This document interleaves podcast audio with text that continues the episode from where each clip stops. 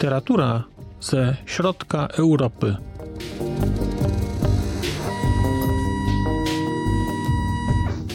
Podcast około książkowy.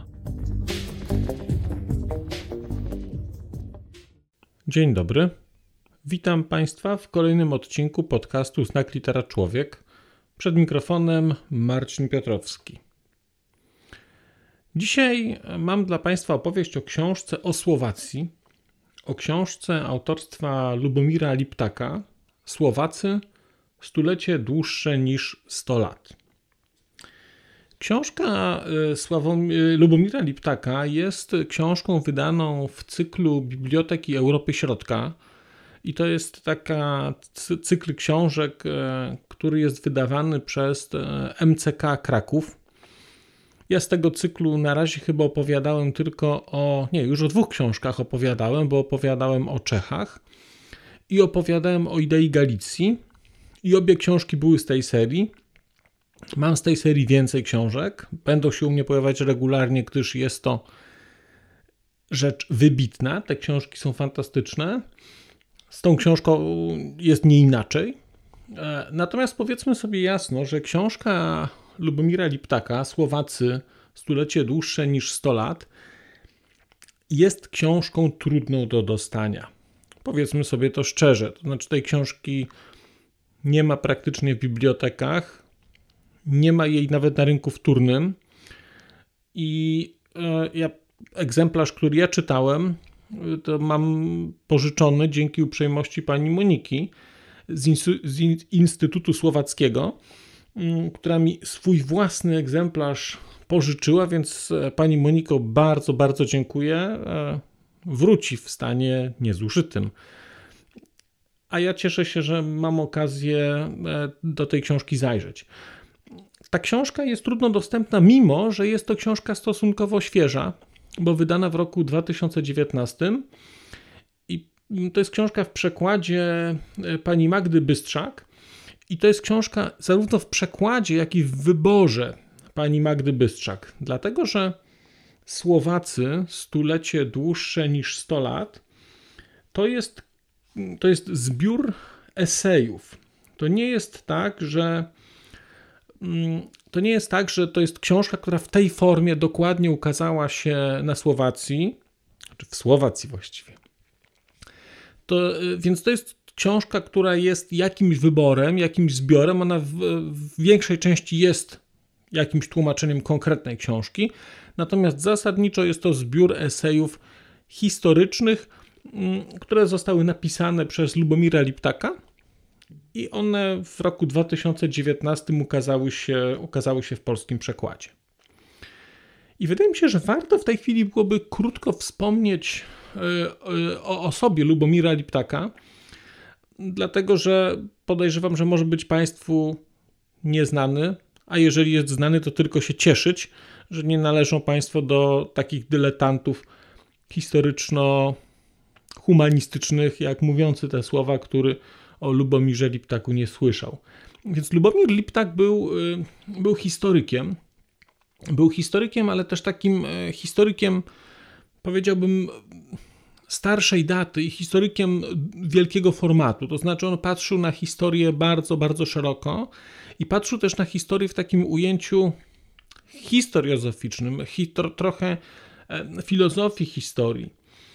I zapłacił za tę swoją niepokorność, bo on e, funkcjonował e, głównie, czy działał w latach e, komunistycznych w Czechosłowacji i on zapłacił cenę dosyć wysoką, dlatego że w okresie normalizacji tak zwanej, czyli po roku 68, on został odsunięty od publikowania. Jego rzeczy się nie ukazywały. On pracował, pracował jako pracownik muzeum Później w latach 80.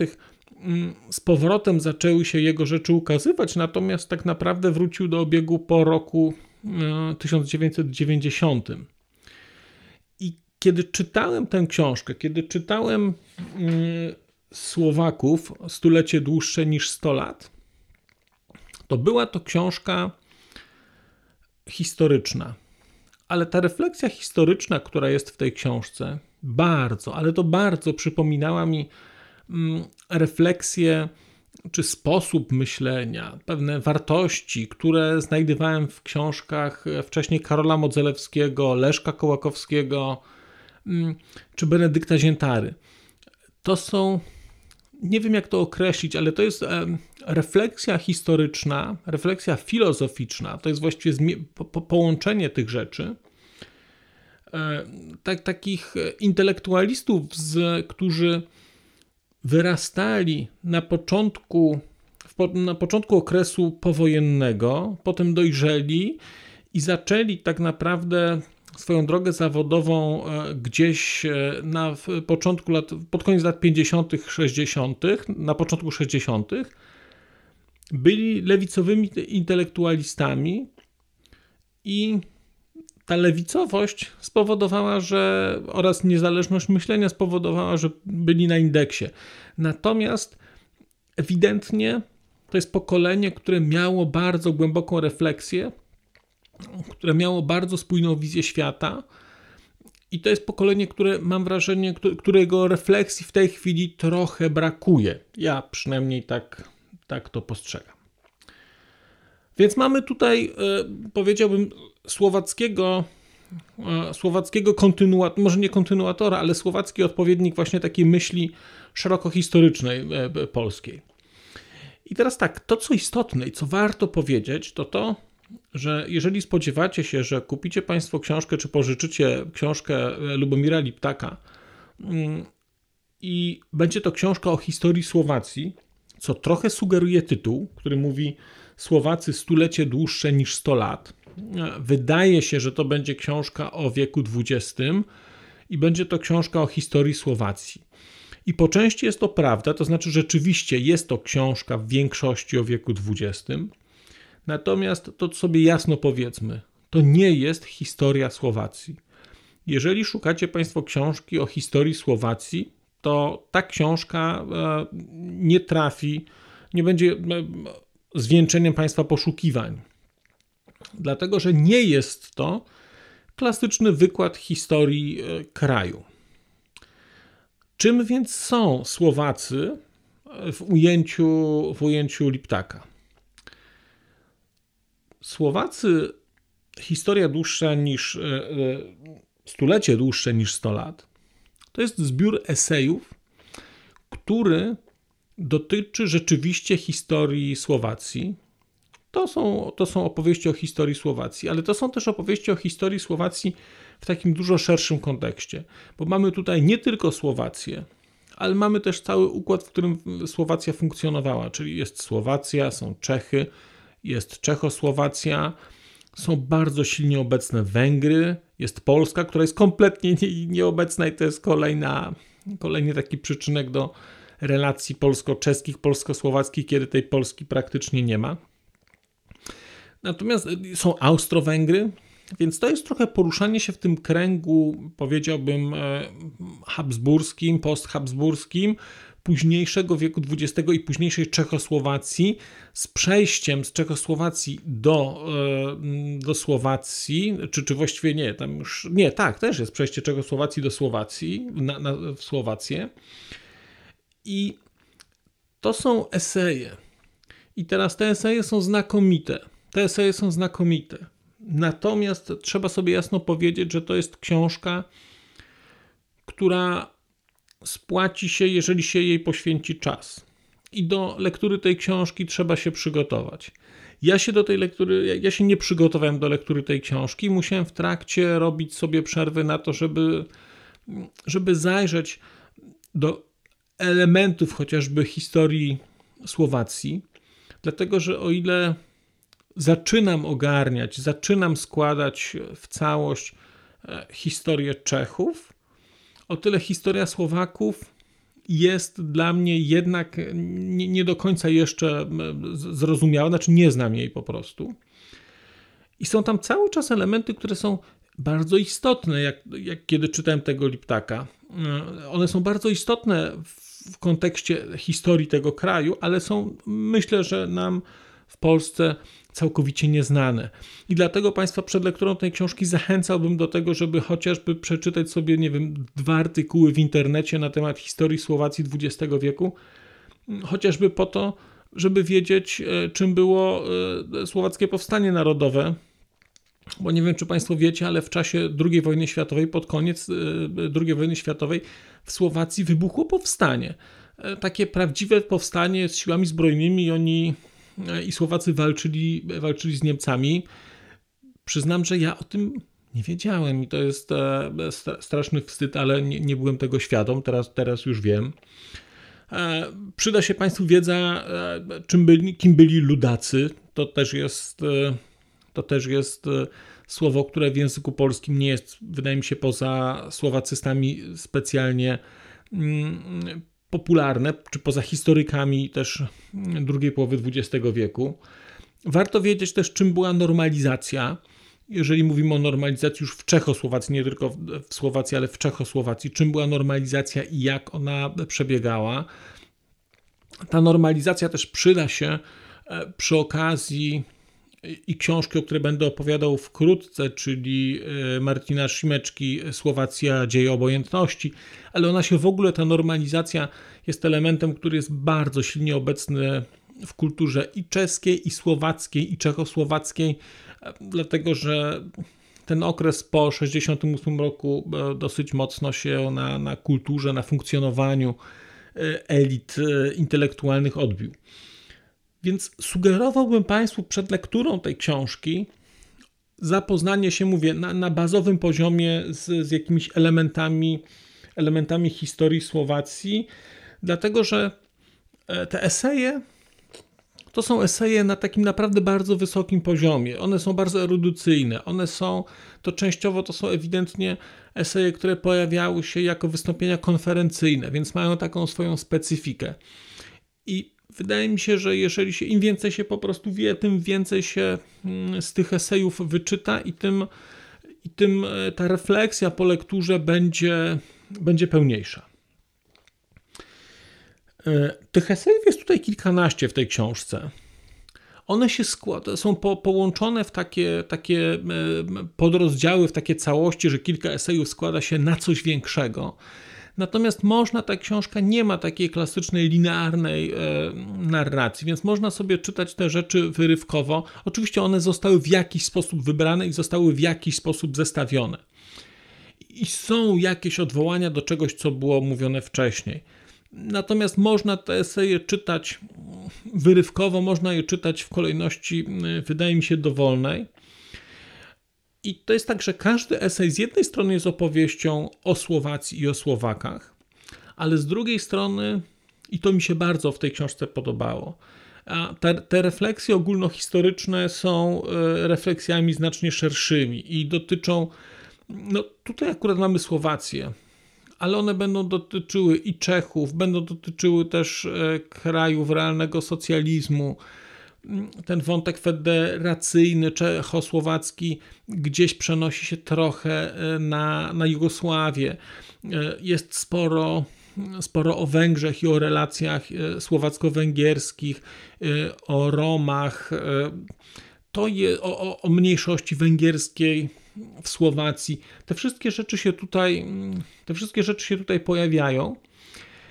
I to jest pierwsza książka, która tak mocno, mam wrażenie, po, po lekturze której, czy właściwie nawet w trakcie lektury której, miałem takie wrażenie jednak ogromnej, ale ogromnej bliskości takiej mm, kulturowej, takiej, e, nie chcę powiedzieć intelektualnej, bo to będzie za duże słowo, ale takiej tożsamościowej bliskości e, Słowaków e, i Polaków, czy Słowaczek i Polek.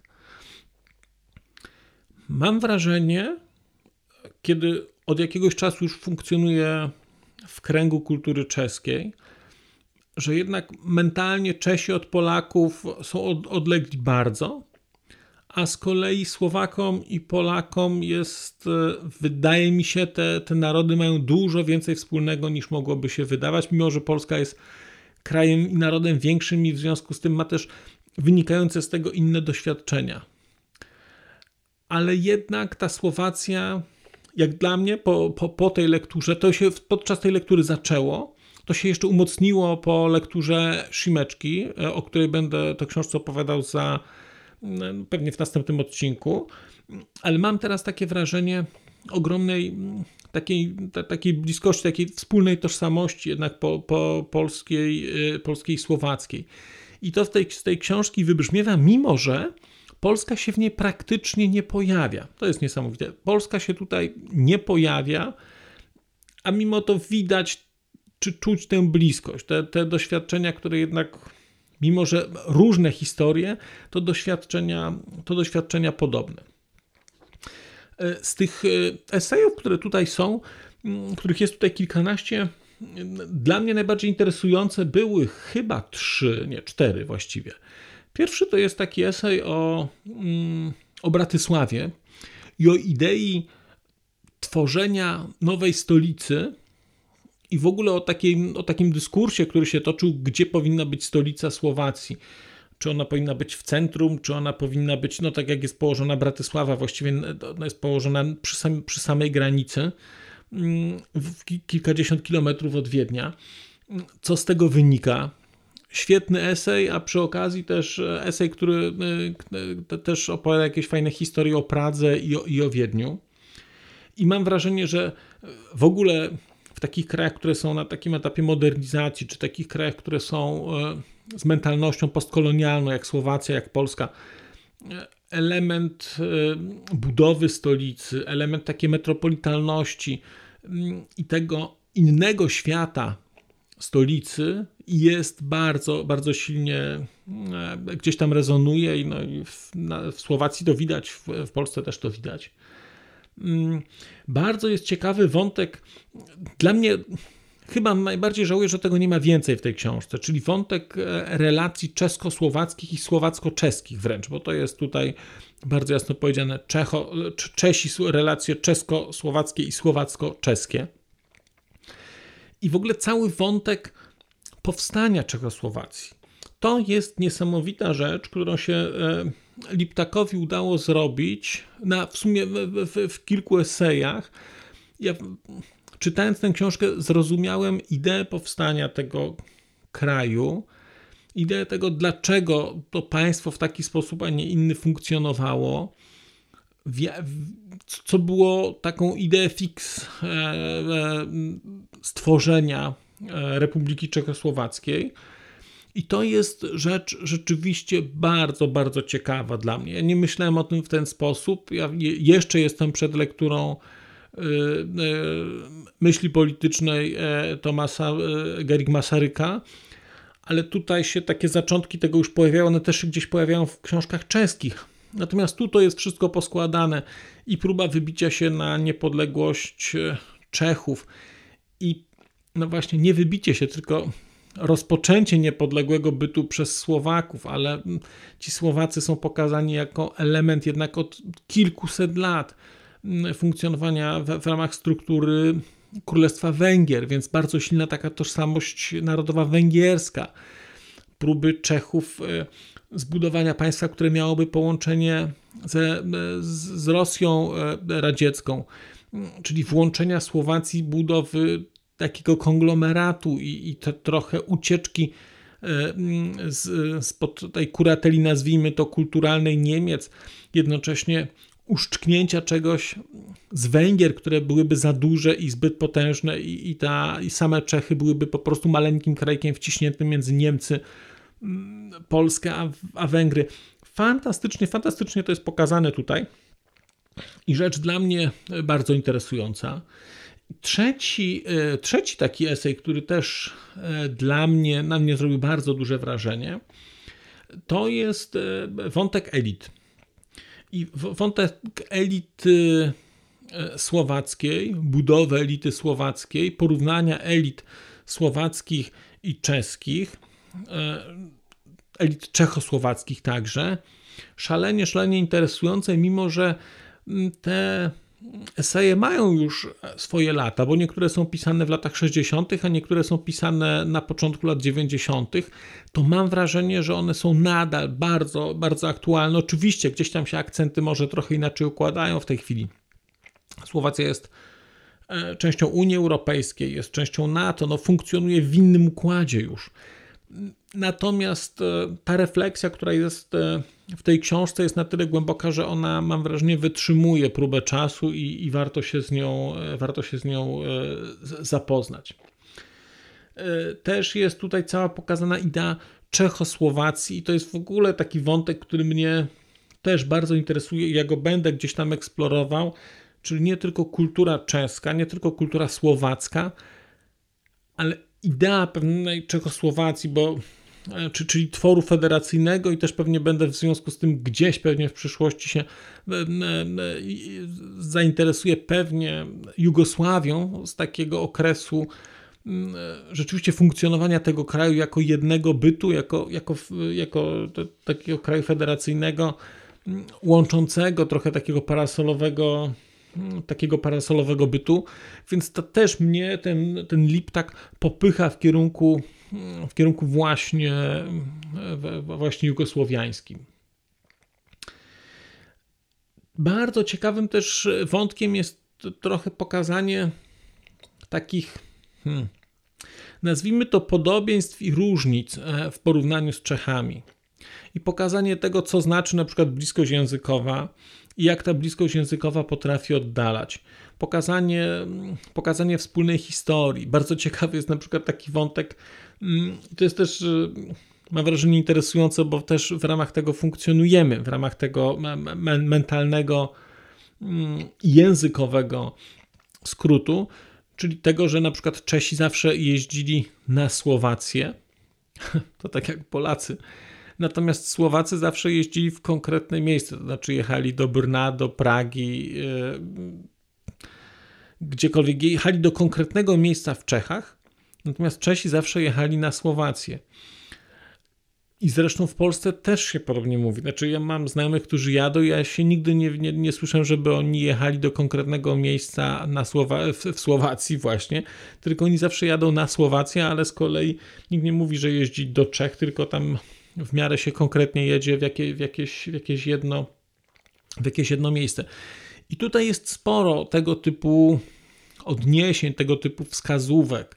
Mm, też ciekawą rzeczą, która tutaj jest, jest e, próba w ogóle pokazania, nie chcę, usprawiedliwienie to jest za duże słowo, ale próba zrozumienia idei państwa mm, tego e, mm, kolaborującego z Niemcami, tworzenia własnej państwowości, e, próba zrozumienia idei radykalnej modernizacji, która się wtedy dokonuje, próba zrozumienia idei budowania elit w oparciu o, mm, o, o, o to państwo i współpracy z Niemcami.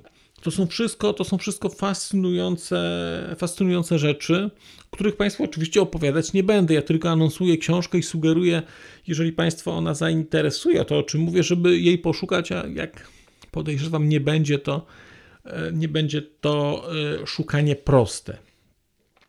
No i powiedziałbym tak, że mam w głowie jeszcze dużo rzeczy, które chciałbym powiedzieć. Problem jest z tym e, taki, że czytałem tę książkę praktycznie równolegle do książki mm, Marcina Szymeczki e, Słowacja dzieje obojętności.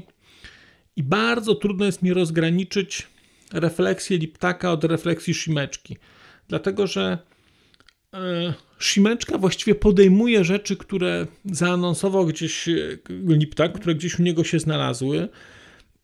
I mi jest trudno w tej chwili postawić granice między tymi książkami, dlatego że one dla mnie się bardzo nakładają, mimo że one są napisane przez różnych ludzi w różnym czasie. To refleksja, która tam jest, jest bardzo podobna, więc zakończę, ksią- zakończę opowieść o e, książce Lubomira Liptaka Słowacy stulecie dłuższe niż 100 lat w tej chwili. I zaproszę Państwa za kilka dni na to, żebyście posłuchali żebyście posłuchali pasjonującej, e, o, pasjonującej książce Martina Szymeczki mm, Słowacja dzieje obojętności, książce już dużo, dużo, dużo bliższej Polsce, książce opowiadającej o bardzo bratnim kraju, o bardzo podobnej mentalności i książce łatwiejszej do dostania. Więc dzisiaj to chyba tyle.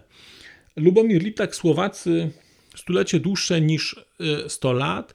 Zachęcam Państwa bardzo, bardzo do lektury, aczkolwiek uprzedzam, że mm, i znalezienie książki może być trudne, i sama lektura, może nie chcę powiedzieć, że należy do, nie należy do najłatwiejszych, bo to tak nie jest, ale ona wymaga pewnego, wymaga pewnego przygotowania. Jeżeli się wątków słowackich nie zna, to ta książka nie będzie aż tak, aż tak interesująca. Tymczasem się żegnam z Państwem. Bardzo dziękuję za posłuchanie, dziękuję za, za uwagi, dziękuję za kontakt i do usłyszenia wkrótce. Przez mikrofon mówił do Państwa Marcin Piotrowski. A już zupełnie na koniec powiem, że skoro wysłuchaliście Państwo tego odcinka, to w jego opisie znajdziecie link do serwisu YouTube. W wersji YouTube'owej jest miejsce na skomentowanie go. To jest takie miejsce, gdzie można komentować ten odcinek, rozmawiać, zadawać pytania, wymieniać się spostrzeżeniami, do czego Państwa bardzo zachęcam, gdyż udało się już na tym YouTubie zgromadzić trochę bardzo ciekawych osób, bardzo ciekawych komentarzy i trochę stworzyć taką społeczność ludzi rozmawiających o książkach. Też na koniec, zupełnie na koniec, e, poproszę Państwa o wystawienie oceny mi w ramach e, tych platform podcastowych, na których Państwo tego odcinka wysłuchaliście. I nieważne jaka ta ocena będzie, istotne dla mnie po prostu, że będzie. Tymczasem się żegnam już naprawdę i do usłyszenia za czas jakiś.